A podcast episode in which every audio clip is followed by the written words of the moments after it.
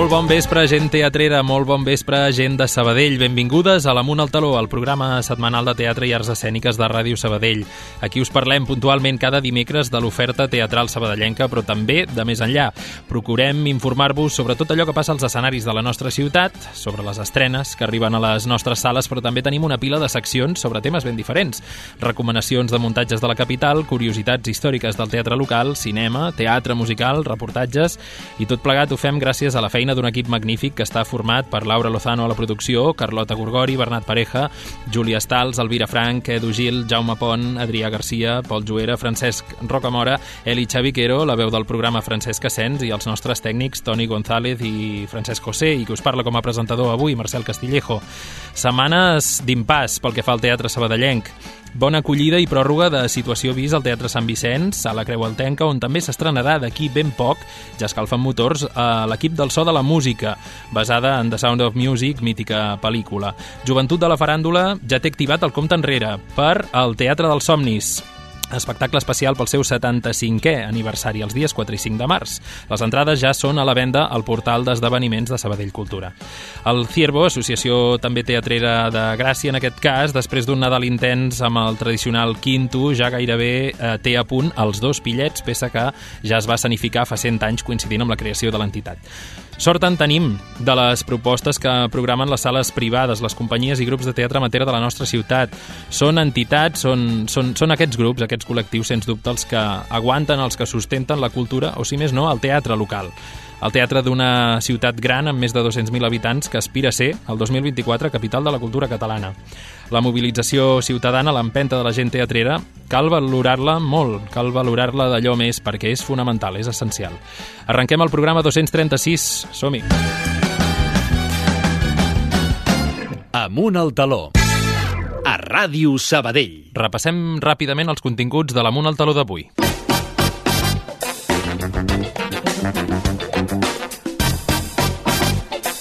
Repassarem com cada dimecres què tenim a la cartellera teatral local per aquest cap de setmana amb la Júlia Stals. Aneu traient les agendes i anoteu dies i horaris.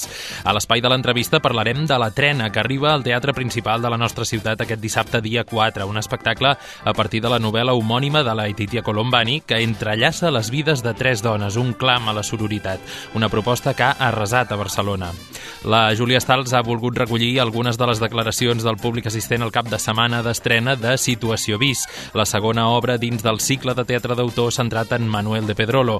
Com s'ha rebut aquesta proposta amb un elenc tan jove al capdavant al vestíbul del Teatre Sant Vicenç de la Creu Alta? Ho descobrirem. En Bernat Parija ens ha preparat un reportatge temàtic. Avui parlarem sobre Teatre de Barri, aquesta iniciativa que ofereix classes de teatre a sis barris perifèrics no cèntrics de la nostra ciutat. Parlarem amb els tallaristes i actors Jaume García Arija i Enric López, que estan fent una feina fantàstica. I finalment, per tancar el programa, amb l'Alvira Frank, la nostra teatrera experta de la cartellera de la capital, xerrarem sobre dues propostes barcelonines que no ens podem perdre.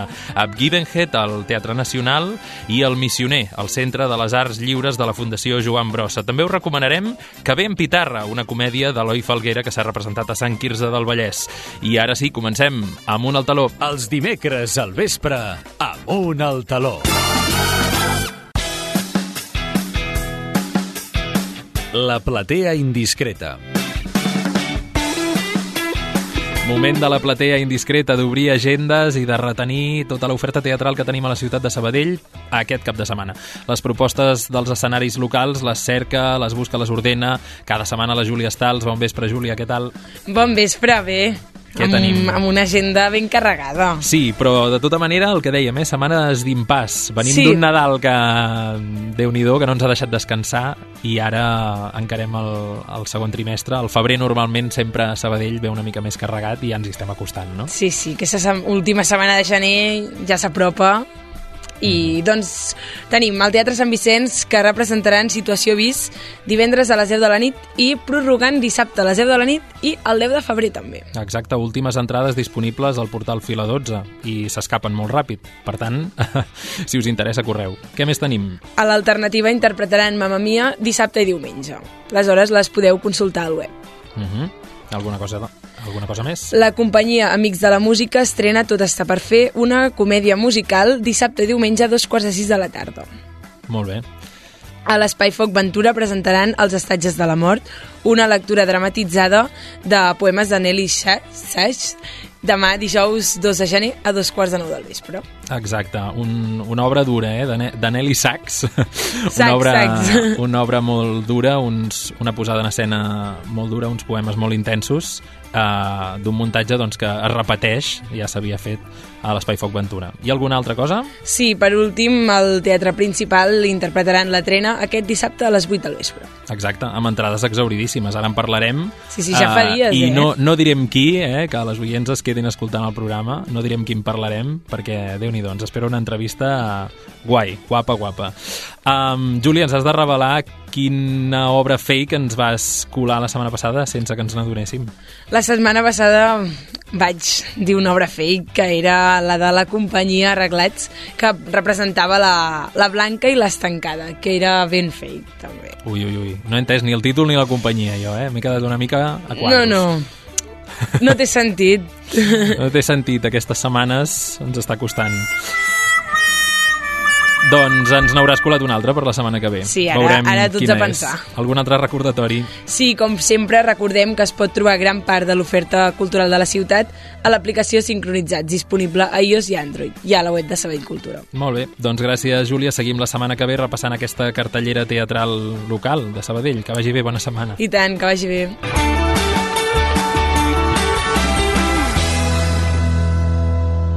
Amunt al taló, al teatre de la ciutat, a la ràdio.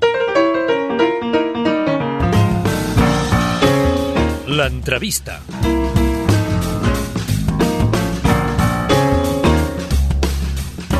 I ara atenta, si heu sintonitzat Ràdio Sabadell, us recomano que us quedeu escoltant l'entrevista d'avui perquè hem de parlar d'una proposta que ha rebut moltíssimes, moltíssimes ovacions, crítiques excel·lents i que ha generat cues i cues llarguíssimes i platees plenes a vessar des que va estrenar-se al Teatre Goya de Barcelona. Ens referim a La Trena, un espectacle que a partir de la novel·la d'èxit de Laetitia Colombani aquesta setmana ens arriba el dissabte dia 4 a Sabadell, al Teatre Principal. Se'n farà una única funció a les 8 del vespre. Es tracta d'una proposta teatral amb noms de dona potentíssims al capdavant, com són els de Cristina Genevat, Carlota Olsina, Sabadellenca, per cert, que hem entrevistat també aquí al programa, o la Marta Marco. La companyia La Perla 29 firma també aquest espectacle que, per cert, hem, hem comentat amb la nostra teatrera de capçalera, l'Elvira Frank, i que, si hem de ser sinceres, ens ha deixat a totes captivades i emocionades. Avui, via telefònica, la Mona Taló ens acompanya, diria jo, una de les figures més interessants del teatre català d'avui, dels escenaris de casa nostra, que en aquesta ocasió no només ha exercit d'actriu en aquesta trena, sinó que també n'és la directora. Clara Segura, bon vespre i moltes gràcies per atendre'ns. Hola, bon vespre, bon, gràcies a vosaltres.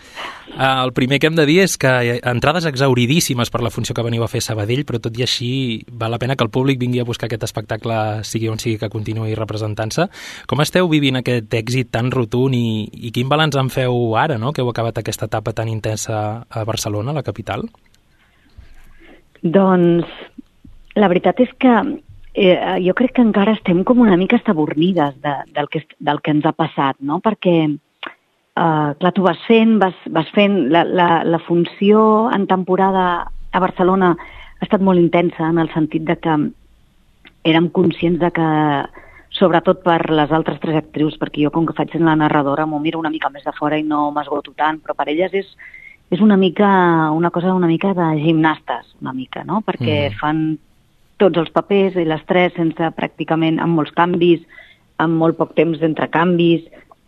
Vull dir que eren molt conscients de que havien d'aguantar a nivell de cos, en plan, hem d'aguantar fins al dia tal de desembre, no? I llavors era com que no hem estat molt conscients de... bueno, sí que ja hem estat conscients, eh, però que tens la sensació de que ostres, ostres, ostres, avui també està ple, demà també està ple, ostres, que guai, Uh -huh. i una mica, i, potser innocentment ens pensàvem que era una qüestió més de, doncs mira, que havia passat a Barcelona, però la sorpresa ha estat quan ha començat a veure a, a haver, a haver-hi moltes peticions a la gira i de moltes teatres que van començar amb un dia, amb una data, van vendre les localitats de seguida i llavors ens han demanat o dobles funcions o tornar inclús un altre dia al cap de dos mesos, que això ens, ens ha passat amb, amb dos teatres, no? Uh -huh. I, i és molt, molt increïble. I ahir, per exemple, que vam fer funció, bueno, i avui també, que la tenim a, a, a Manresa, al Cursal, eh, realment emociona molt veure dic el Cursal perquè és un dels grans que anem, eh, que són 804 localitats, i, i emociona molt veure el teatre tan ple i que estigui ple els quatre dies i, i penses, ostres, és que hi ha molta gent a tot arreu que ve, que ve, tant de bo sempre passés això, que allà on I tant. vas, doncs la gent volgués eh, venir a consumir cultura i a viatjar, no?, sense moure's d'una butaca. Mhm. Com va sorgir la idea de, de dur a l'escenari aquesta novel·la de Colombani? Com és que la vareu escollir? Perquè el fet de sanificar una novel·la amb tres històries entrellaçades, amb tants personatges i ubicacions, d'entrada no, Sí. no deu ser cosa fàcil, no? No, va sorgir una mica mm, després de que vam fer les noies de Moss Bank Road amb la Marta Marco i la Cristina Genevat, eh, ens vam fer molt amigues, jo crec, i llavors era com, ostres, hem de tornar a fer alguna juntes i així. I va coincidir que vam llegir aquesta novel·la en pandèmia, en el confinament, Mm. les tres, sense dir-nos-ho, i quan ens vam tornar a trobar un dia dinant, eh, vam dir, ostres, agradat molt aquest llibre, i, la, i les tres, ostres, a mi també, és el mateix, tal. I llavors, al, al tornar a ser una història que era de tres dones, aquí ens, ens va composar l'alarma, no?, de dir, ostres, i per què no la fem? I, i com que la Cristina ja és mestra d'adaptacions teatrals de de- d'obres de, de teatre i de novel·les i d'experiments de Mm. teatrals i la Marta en tenia moltes ganes, doncs es van engrescar les dues i llavors em van dir, però clar, aquí tu has de dirigir això. I jo, la veritat és que vaig dir una mica que sí, sense saber massa ben bé on em posava Mm. Perquè, mm, bueno, perquè hem anat fent. Vull dir, jo crec que és, que és veritat que si ho hagués sabut potser no m'hi hagués posat. Però ara que ja està fet, penses, mira, mira, millor a vegades treballar una mica des de la inconsciència que, que no des de ser molt conscient del que has de fer. Clar, perquè aquesta experiència de dirigir una obra, però també viure-la des de l'escenari cada nit o cada tarda, entenc que no era nova, no?, per tu? Sí, Ja. bueno, jo ja havia fet aquest experiment amb el Bruno, quan vam fer cobertura d'una manera així més Mm -hmm. Eh, bèstia, ja, jo, jo, jo ja vaig portar la direcció, ell portava el text i cada nit feien funció. I el que passa que no m'ho veiem mai des de fora i ara sí que m'ho puc veure des de fora i eh, estic al tanto de, de tot, no?, una mica, perquè el ser la narradora i a, a part físicament estic com una mica fora de l'escenari, Mm -hmm. eh, eh, puc, puc, puc prendre aquesta opció més externa, no? I, però és que si, si ho hagués hagut de dirigir fer un, un dels personatges que fa ella, que fan elles, no ho hagués pogut fer perquè elles estan molt a Un dintre. ritme molt a dintre. trepidant i una intensitat, sí, sí, sí, sí. important. La trena, com dèiem, és una, és una història que en realitat engloba, en combina tres, tres històries de dones, dones que Sí. viuen en, en llocs i en circumstàncies diferents, però que comparteixen el fet de viure en unes situacions doncs, especialment doloroses i que les hauran de- d'afrontar. El que destila la novel·la i també l'obra eh, potser és que pel fet de ser dones, de la condició de, de dona, aquests personatges centrals, l'Esmita, la Júlia i la Sara, no ho tenen tan fàcil a l'hora de, de superar aquests entrebancs o aquests obstacles que els posa la vida. No? Per tant, no sé, Clara, si estaràs d'acord amb que potser hi ha, hi ha aquesta reivindicació feminista, no? un clam a la sororitat, Sí. d'alguna manera, amb la trena. No? Totalment, totalment. Vull dir, jo crec que per això també ha tingut l'acollida que ha tingut, perquè en aquest moment pues, necessitem molt sentir aquesta... A mi també em passa això. O a mi també... T'entenc. Aquest t'entenc eh, ara, que, no? ara que hi ha tant de rebombori amb tantes coses, no? Amb, amb la llei de, de, de, bueno, del sí és sí, amb, amb tantes coses que, res, que després comences a parlar amb, amb companyes, amb altres dones que els hi ha passat una situació semblant o similar en, en qualsevol àmbit, eh? No, ja sigui el sexual, ja sigui el laboral, ja sigui... I d'alguna manera sí, sí, sí, som, som encara eh, un gènere que no té la igualtat que té el dels homes, vull dir, no, no, no, no, estem al mateix lloc encara, no? I si això ho agreuges pues, amb, amb no europeu i sense diners, doncs encara és més bèstia. És a dir, una persona eh, amb unes condicions econòmiques de misèria o de pobresa té tan difícil que, si, que eh, si, sigui d'un gènere o d'un altre, no? Però és veritat que hi ha un plus amb la dona, que és l'agressió sexual, que no la comparteixen els homes, i llavors aquesta vulnerabilitat les deixa en un altre lloc. Uh -huh. Es tracta d'una obra, abans ho comentaves, amb canvis ràpids, amb personatges dibuixats o esbossats amb molt pocs elements, però molt reconeixibles de seguida, amb parts molt coreografiades mm. també, amb una estètica especialment rumiada, no? hi, ha, hi ha quadres, hi ha posicions, hi ha elements, més enllà d'aquests cabells, evidentment, no? que, que tenen molt de poder sí. simbòlic durant l'obra. Um, sí, com, sí. com ha estat? Ha estat interessant això de, de buscar, de treballar tots aquests elements com a directora també? Sí, ha estat interessant. És cert que no, que jo no... Um, me n'adono que el concepte potser després el poseu vosaltres, però que jo el concepte no el poso d'entrada. O sigui, jo faig com més una necessitat, un instint, no?, de dir, uh -huh. em falta alçada, provem amb una escala. Em falta no sé què, mm, això ho fem així. Em fa, una, una, una necessitat que correspon més a un impuls, a una emoció, a un algo que, que no a un concepte de he posat l'escala perquè simbolitza el tal, no? Vull dir que jo no, no he treballat en aquest sentit d'una manera teòrica, sinó d'una manera pràctica. Però sí que vam pensar molt en l'espai i, amb, i amb el Gavi i la Maria de Cubé eh, i amb la Vero de, de moviment, la Vero Zendoya, eh, amb els Frau, l'Helena i el Vicenç de vídeo, amb el Damien de so, amb la Clàudia i la Marian de vestuari i perruqueria, o sigui, de caracterització, eh, ens vam eh, donar moltes voltes a com explicar poc, ràpid, però concisament i una mica suggerint i poèticament, però clar, és un llenguatge que el vas des desgranant a mesura que vas avançant els assajos, que sí que tenia algunes coses com el cap, però no era, mm, vull dir que no, no tenia a priori unes idees molt preconcebudes però sí que és veritat que havíem d'aconseguir una mica un joc teatral que permetés a l'espectador imaginar, una mica com quan estàs llegint un llibre, que tu viatges a una Índia que segurament si jo també el llegeixo, la meva Índia serà diferent si no he estat a la Índia, ni tu tampoc, no? Vull dir que uh -huh. hi ha una part de la imaginació que jo sí que tenia una mica... em preocupava això de dir hem d'encara suggerir, no podem subratllar, perquè a part subratllar no podrem mai amb el teatre, en el sentit de que per això està el cine, no? Que és el que ara ha fet l'autora, és el que ara ha fet la, la pròpia autora, ha dirigit la pel·lícula que s'estrenarà l'any que ve, uh -huh. i eh, perquè evidentment quan tu llegeixes la novel·la t'imagines una pel·lícula, perquè vas a Itàlia, vas a Sicília, i vas a, a la Índia i vas a Canadà, però a més a més vas a llocs on hi ha moltíssima gent, eh, i tot això nosaltres ho havíem de suplir, a més érem tres actrius les que pujaven a l'escenari. I, i llavors era com, bueno, ens ho hem d'imaginar, perquè és que, és que si no, no, és, és impossible. El punt de partida, que era fer-ho amb tres, mm, ja no hagués estat el correcte si haguéssim volgut com ser molt fidels a la realitat. Uh mhm, -huh.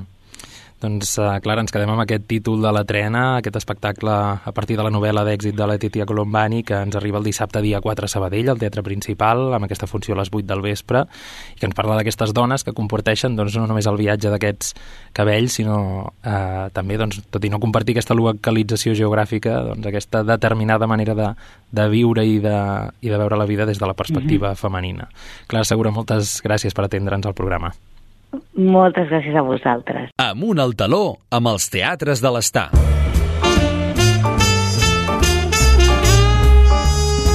Anem d'estrena.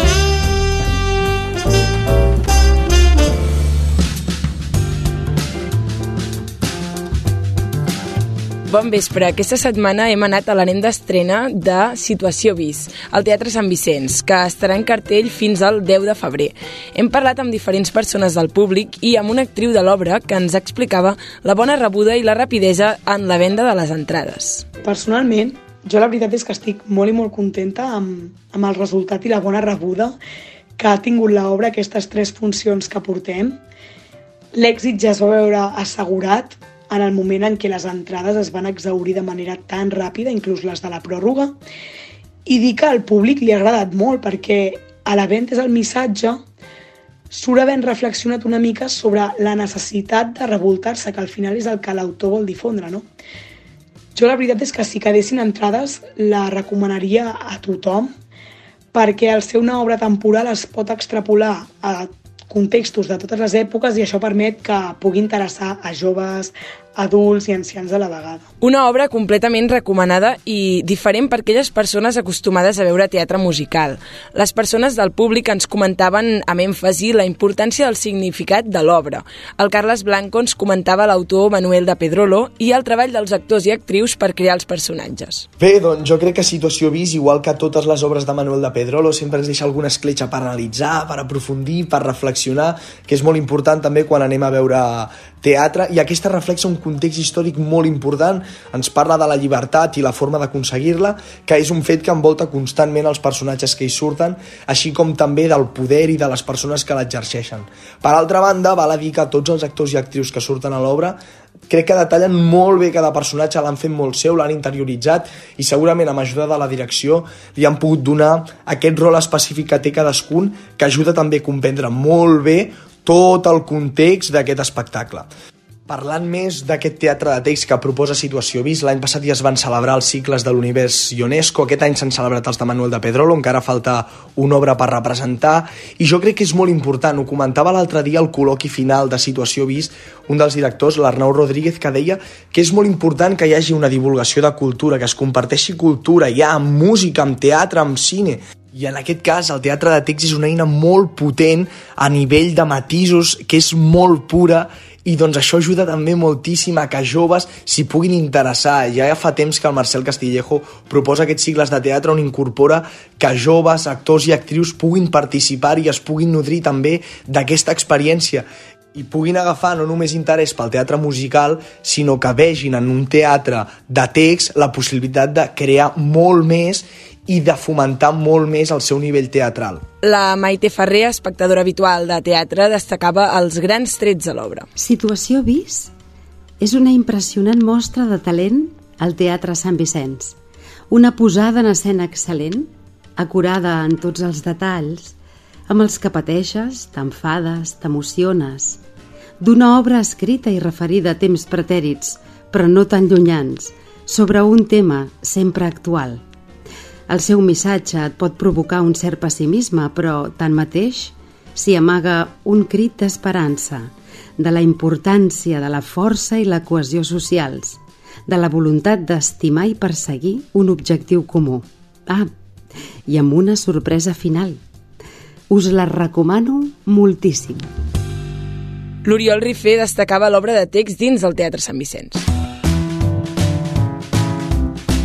Celebro que el Teatre Sant Vicenç aposti per propostes que empenyin a l'espectador a la reflexió i al pensament crític, i encara més en un format proper, amb una posada en escena impecable i amb una direcció i un elenc format per persones tan joves i amb tant talent. Per últim, el Jofre Carrera ens comentava la seva experiència amb Situació Vis. De fet, desconeixia l'obra teatral de Manuel de Pedrolo, però veig que en tot cas és molt fidel a la seva crítica al poder en la recerca per la llibertat.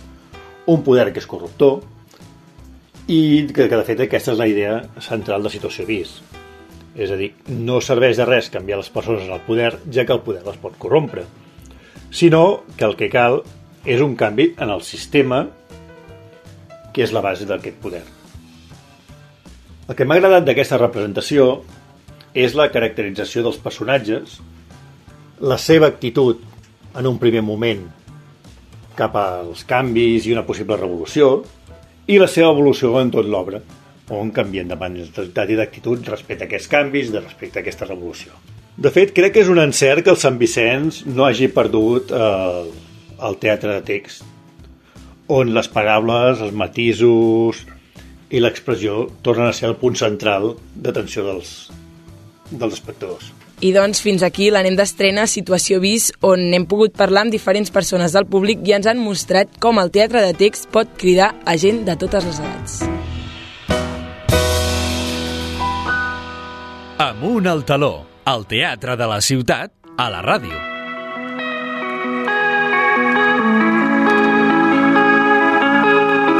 El reportatge.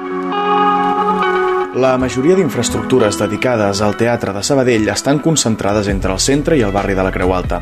La faràndula, el teatre principal i l'estruc són els tres únics espais que ofereixen regularment produccions culturals de nivell professional, fet que obliga els sabadellencs i les sabadellenques que viuen en barris perifèrics a desplaçar-se molts minuts fins al centre.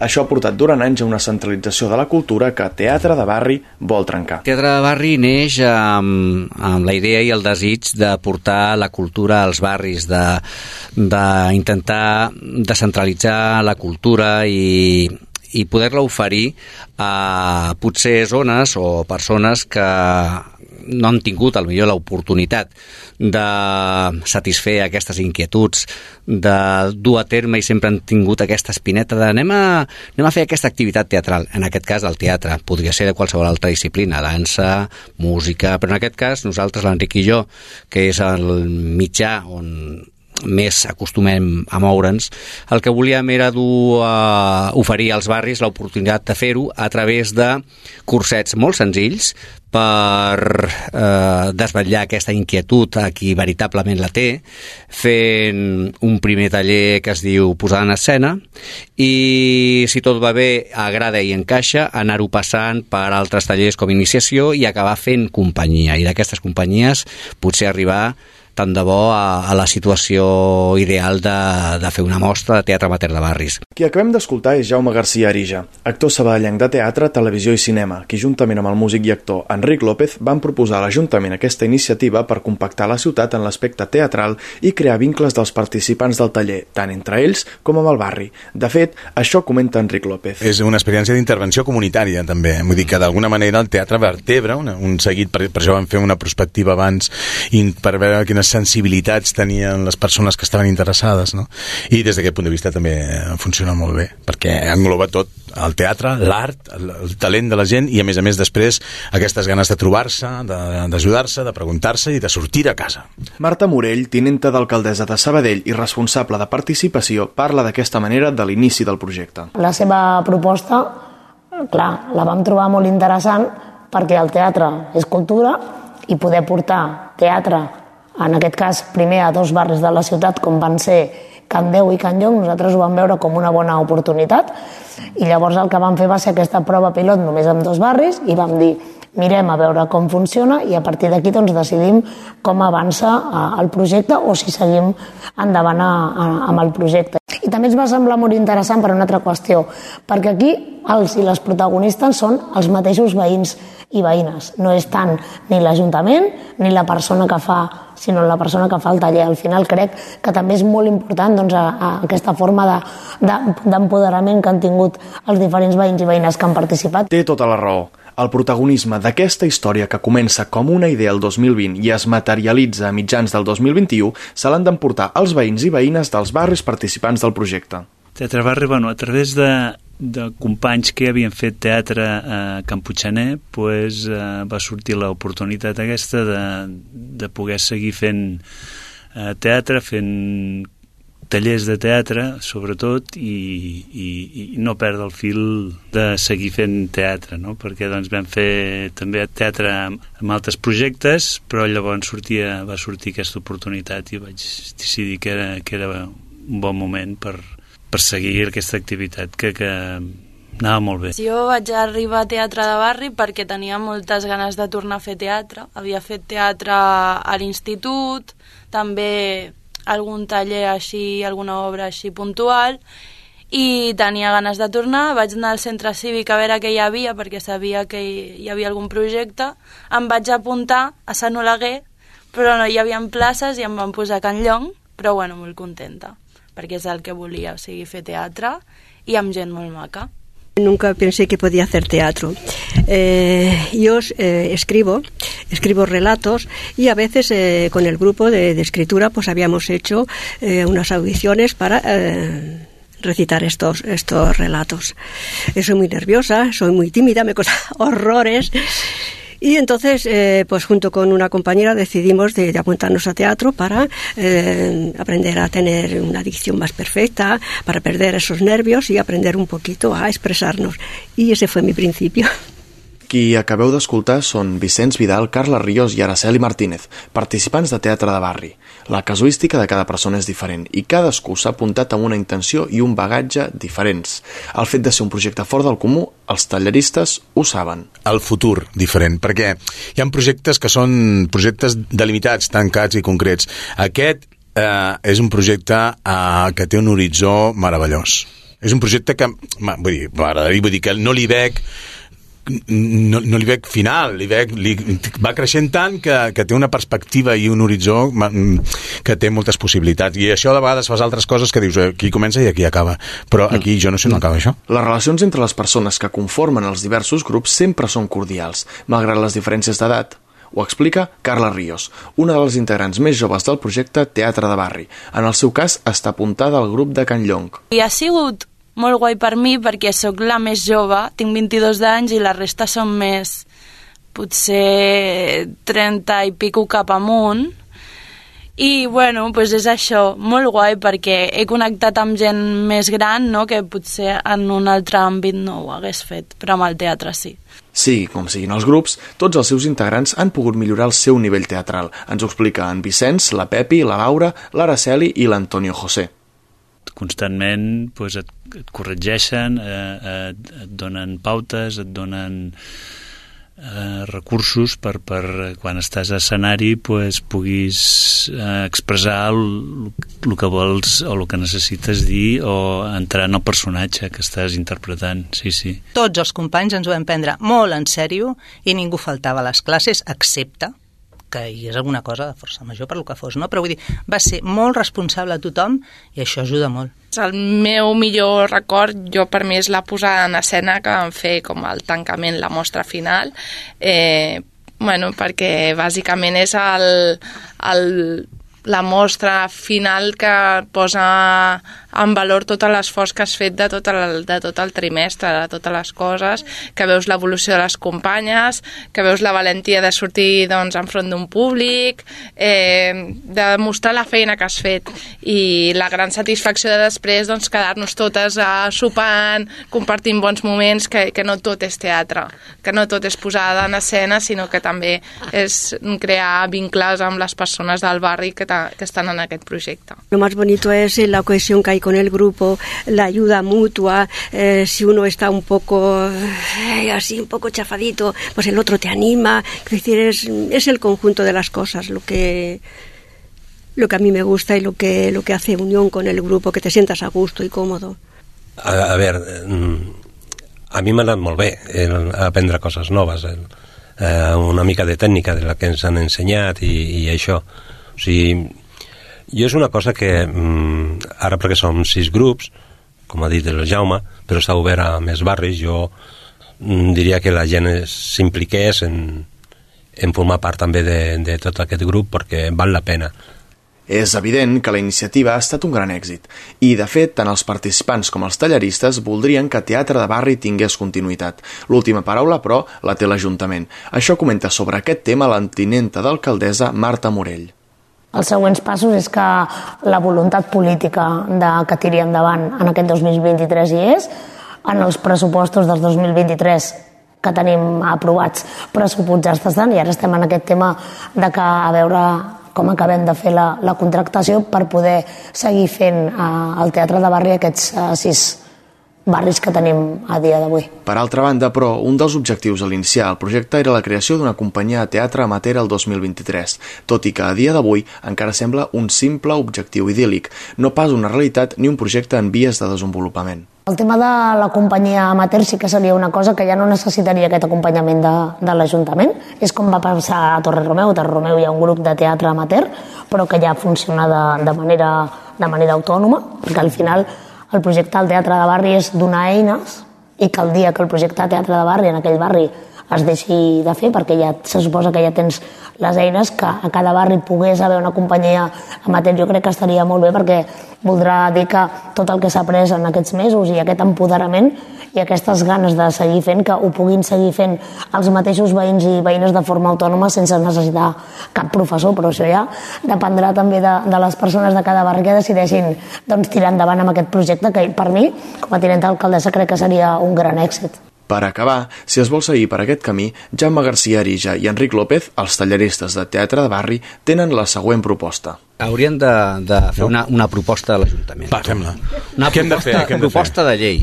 Ah, de llei sí. Proposta de llei. Va, proposem, decret número... De, dret Eh, a l'expressió artística. artística a tot arreu Esclar i a tota hora. El dret a l'expressió A artística. l'autobús, a, jo què sé, a l'Ajuntament mateix. Exacte.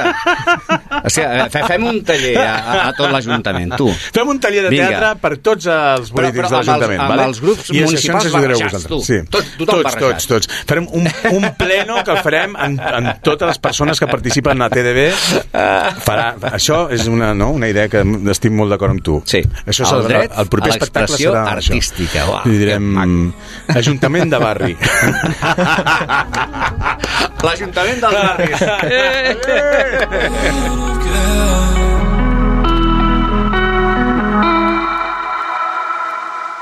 El Teatre Sabadellenc a Ràdio Sabadell.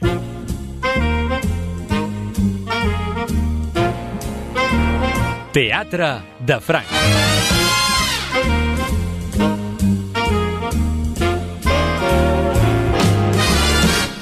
Ja som a la recta final del programa i és el moment de fixar-nos en les propostes teatrals de Barcelona i, per tant, ens acompanya, com sempre, a l'estudi la nostra espectadora experta de la cartellera de la capital, l'Elvira Frank. Bon vespre, Elvira. Hola, bon vespre. Bon vespre, oients, també. Que hem anat molt a teatre, eh, aquests dies, Hem també. anat molt a teatre. No pares, no sí. pares. Ah, Al teatre, que ja no fa fred. Exacte, sí, perquè fora al carrer, déu nhi Sí. Avui hem de comentar tres propostes en tres sales diferents, per Sí. tant, endavant. Comencem per la primera, Ab Givenhead, amb, amb aquest nom Tan estrany. tan peculiar, no? En suec, em sembla que és. Suec, o sí, segurament deu ser suec. Um, a la sala petita, si no m'equivoco... A la sala petita del TNC. Del, del Teatre Nacional de Catalunya. Exacte. Un text de Daniel J. Maia, eh, dirigida per Montserrat Rodríguez Crusella, que ells dos van ser els creadors de l'exitosa ACA, si doncs en recordes aquell monòleg, Mhm. que ha, ha donat la volta a tot Espanya, quasi bé, eh? En aquesta proposta presenten la relació que tenen tres nois i una noia i els problemes i dificultats dels immigrants que volen ser acollits a un nou país. Dos germans de Bòsnia arriben a Estocolm, esperant el famós acolliment europeu. Però no tot és tan complaent ni tan fàcil com s'anuncia o com vol es, es vol aparentar a Europa. Aquesta Europa sempre considerarà els seus nous vinguts diferents a ells i no els permetrà ni un mínim d'errada. Així és que fan alguna errada, ja hi ha una repressió. Eh? En començar la funció, aquests nois, aquests dos nois, es troben entre el públic. A l'escenari surt la noia, que en principi representa que és la persona que els ha d'acollir. Tots els espectadors es, som considerats com nous vinguts. Eh? La noia es dirigeix a tots els es- espectadors pensant, fent aquesta acollida. La noia és finlandesa, però viu a Suècia. L'escena mm, passa a Suècia, eh? el, el text és a Suècia. La noia és finlandesa, també és una nouvinguda, però que fa molts anys que està allà, i però que d'alguna manera ella també està condicionada a complir la seva feina, perquè no deixa de ser també una persona que no és del país. Està considerada com de fora, no? D'entre els espectadors també es troba un altre noi que també és bosnià. Ell fa anys que viu a Suècia i és voluntari per ajudar els nous refugiats. L'obra planteja diversos temes. La rivalitat entre joves, les ferides que encara perduren després de molts anys, de 30 anys quasi, eh?, de la guerra de Iugoslàvia i, per sobre de tot, el problema de la deportació.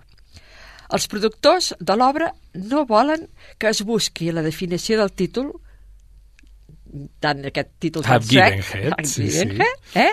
Només diré que el tema que es posa m'ha recordat Síndrome de gel, de la Clàudia Sadó i Xisco Masó, que en vam parlar Mm. la temporada passada. Mhm. Eh?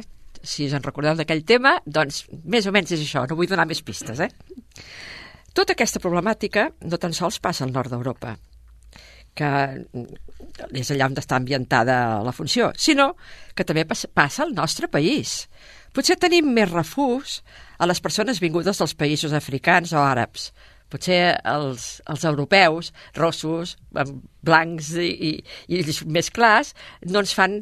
No, no tenim tant... Mhm. tant reparo, diguéssim, no? Però en canvi els africans els, i els àrabs sí. Però la desconfiança i el recel són els mateixos que tenen ells, eh? Ah, Sí, aquí distingim si porten vel o no porten vel, però aquesta desconfiança hi és amb tots els immigrants que venen, immigrants i refugiats. Una obra que la vaig llegir i que no em va enganxar tant quan, quan la vaig veure representar. Bona direcció, plena de moviments i coreografies d'una força i una energia insuperables. També les interpretacions són molt bones. Sorprenent el jove actor Biel Castanyo, que fa un jove d'uns 14 o 15 anys, que ha debutat en aquesta obra, i també hi ha la ja esperada bona interpretació de Quim Àvila, que sempre és notable, conegut ja moltes vegades en moltes obres al Teatre Nacional i d'altres.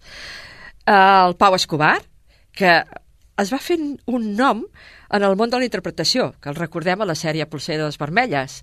Ara ja no és aquell nen, ja és un jove, Mhm. va fer recentment Juli Romeu i Julieta, eh? Mhm.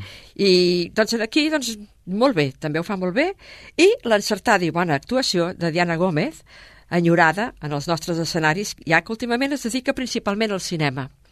Al cinema i a les sèries d'aquestes plataformes eh, d'èxit, no? Això mateix. Uh. -huh. Llavors feia molt temps que no la veia als escenaris i, i fa una bona interpretació. Molt bona proposta, que ja es va fin- finalitzar aquest passat diumenge, però que de ben segur faran gira pel nostre país.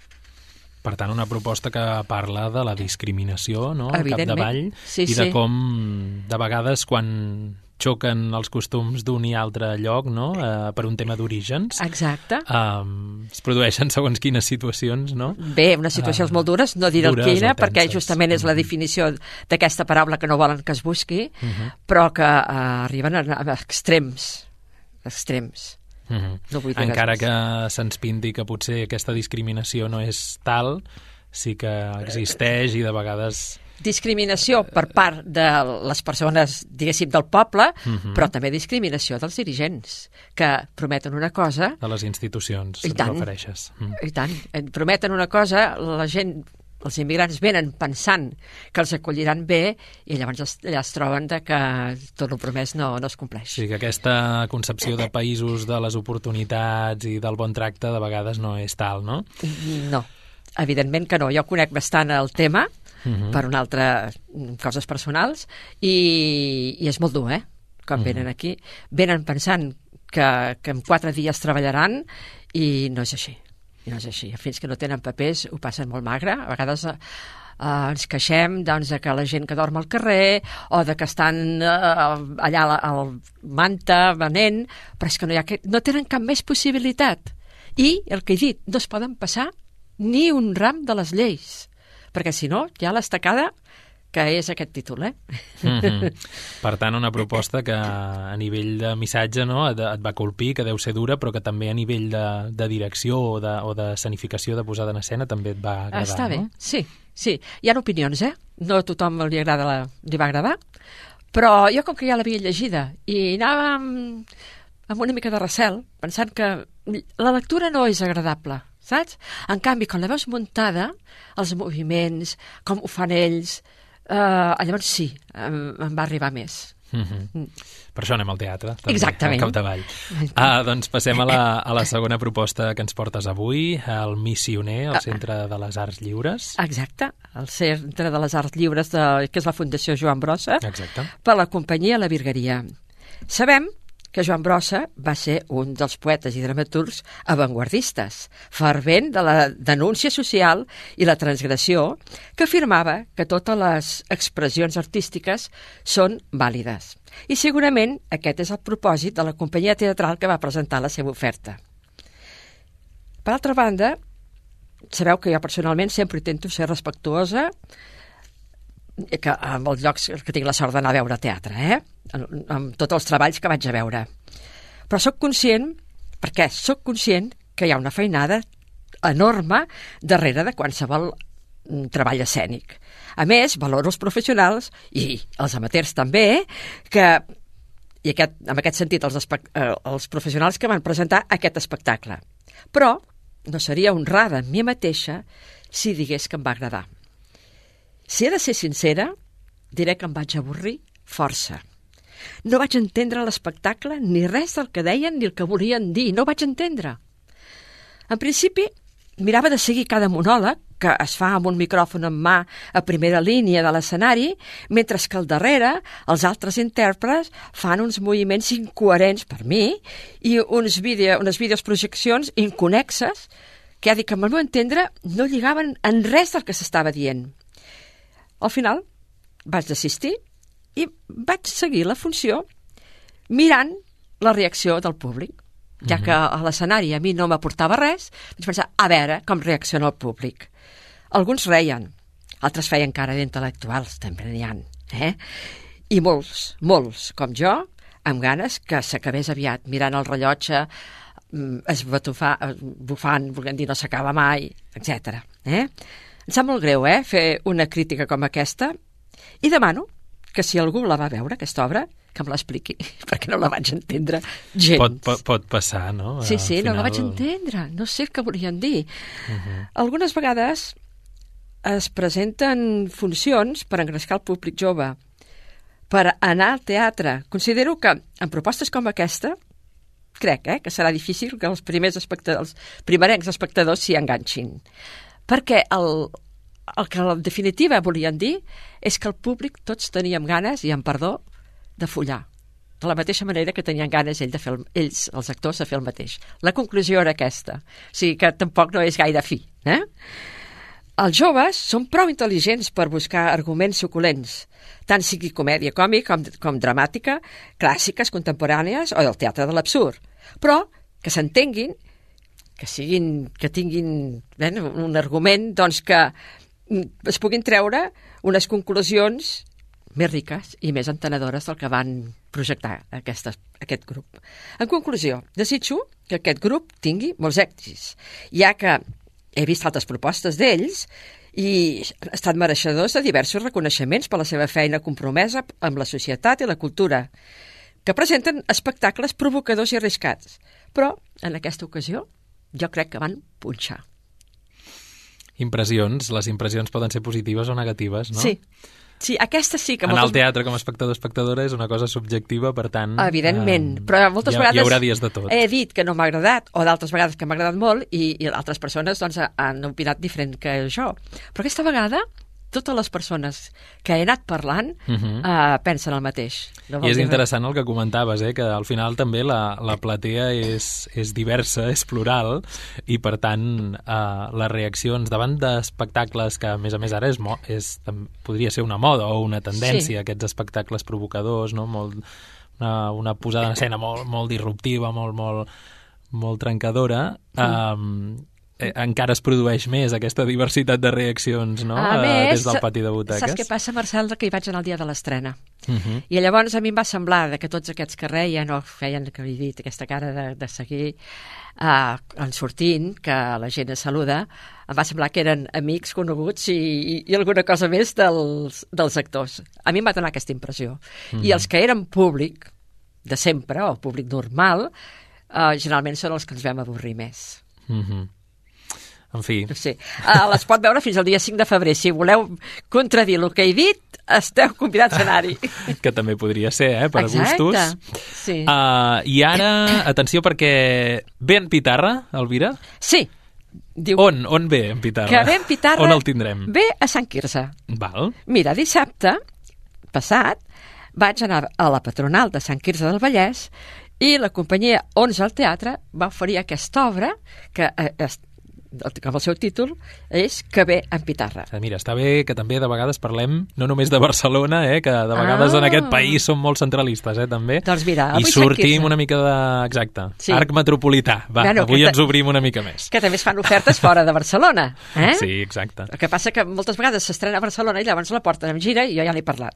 Però aquesta la van estrenar fa un any uh, i després l'han feta en diversos llocs de, de Catalunya. Eh? I ara han tornat al poble que la van estrenar, el poble d'origen, que és una obra escrita per Gui mm, Toni Guillamont i Eloi Falguera, que aquest últim també s'ha cuidat de la direcció. L'Eloi Folguera és una persona que moltes vegades hem entrevistat i hem tingut aquí el programa, eh, és de les persones més involucrades en el món del teatre amateur. Actor, director i dramaturg. També col·labora en els seus articles a Núvol, Mala Raça, Mont, Mont de Terrassa i La Torre de Palau. Al mateix temps, ha fet de jurat a diversos premis literaris. Participa en col·loquis i monogràfics de Catalunya Nord, de l'Alt Empordà i, per descomptat, del Vallès, del seu Vallès. Eh? Ell viu a Terrassa, però és de Sabadell. Parlem de persones de Sabadell, també, eh? Mm. Uh, ell parla de teatre i del seu entorn i és, literalment és l'ànima del concurs terrassenc de textos dramàtics de l'Àngel Pop, que, que fa un any que, que el van començar a fer, aquest, aquest concurs. Mm -hmm. L'obra és una comèdia emmarcada a l'època gloriosa de Frederic Soler Pitarra, el poble de Sant Quirze està il·lusionat perquè sembla que el gran autor teatral, en Pitarra, i la seva companyia, que va camí de Manresa, on representaran el gran èxit estrenat a Barcelona, passaran pel seu poble.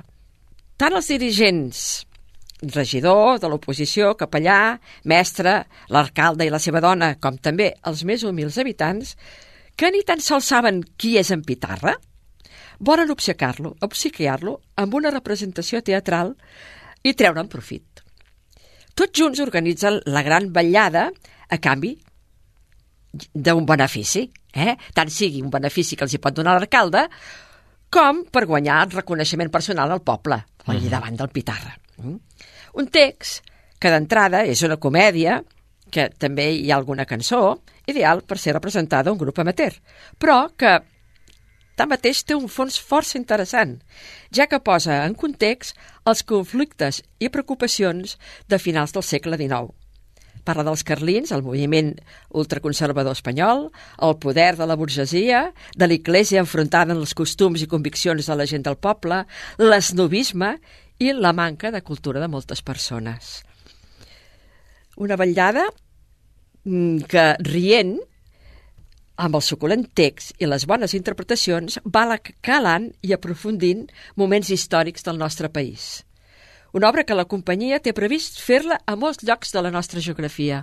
L'han tornada a fer ara a Sant Quirze, però continuaran fent, fent bolos. Mm -hmm. Per tant, una obra que té una estructura diguem-ne, una mica universal, no?, de la visita d'un personatge, d'una eminència d'un personatge molt important en una població. Això sí. ho hem vist moltes vegades. Ho hem vist moltes vegades. Ho hem vist a l'inspector del Gogol, ho hem vist a... En fi, la sí. visita de la Vella Dama, dama sí. ho hem vist a... Sí, sí, hem vist moltes el... obres així, però aquesta està marcada justament eh, aquí a casa nostra. El foraster que arriba a casa i que l'hem de cuidar molt bé perquè ens ha de donar Exacte. X, I no? més no és un Sabadell, sinó que és un poble petit, sí. que tots es coneixen, Sant Quirze, clar, aquella època encara era més petit que ara, Mhm. -huh. i, i ho enmarquen ben bé en aquella època, dintre, primer la idea surt en una botiga mentre es van a comprar, llavors hi van involucrant tots, la mestra, tots s'hi van involucrant, i tots volen aparentar doncs, que saben molt de fer teatre i que hi entenen molt, quan en realitat doncs, són gent... Doncs, eh... Això sol passar. Nosaltres que estem implicats en grups i, i amateurs, companyies amateurs, col·lectius de teatre, mm. sol passar que de vegades volem... Ambici... no? Som molt ambiciosos i ambicioses i, I, a vegades... i potser hauríem de tocar una mica més de peus a terra. sí, passa. Uh, una obra, per tant, ideal per representar amb grups amateurs i que Sí. segurament tindrà molta tirada, no? I que n'ha tingut, perquè ja fa un any que la fan i n'ha tingut molta. Mm -hmm. Doncs uh, gràcies, Elvira. Ens quedem amb aquests tres títols, amb aquestes tres recomanacions d'avui i dimecres que ve seguirem parlant de propostes que podem anar a veure a les sales barcelonines. Exacte. bé. Bona Vinga, setmana. adéu-siau. Amunt al taló, el teatre de la ciutat, a la ràdio.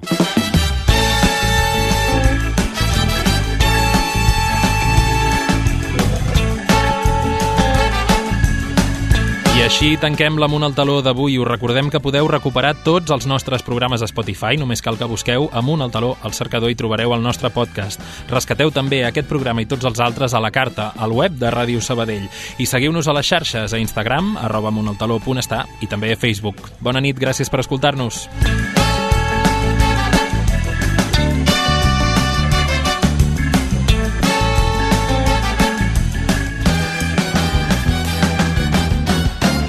Amunt al taló.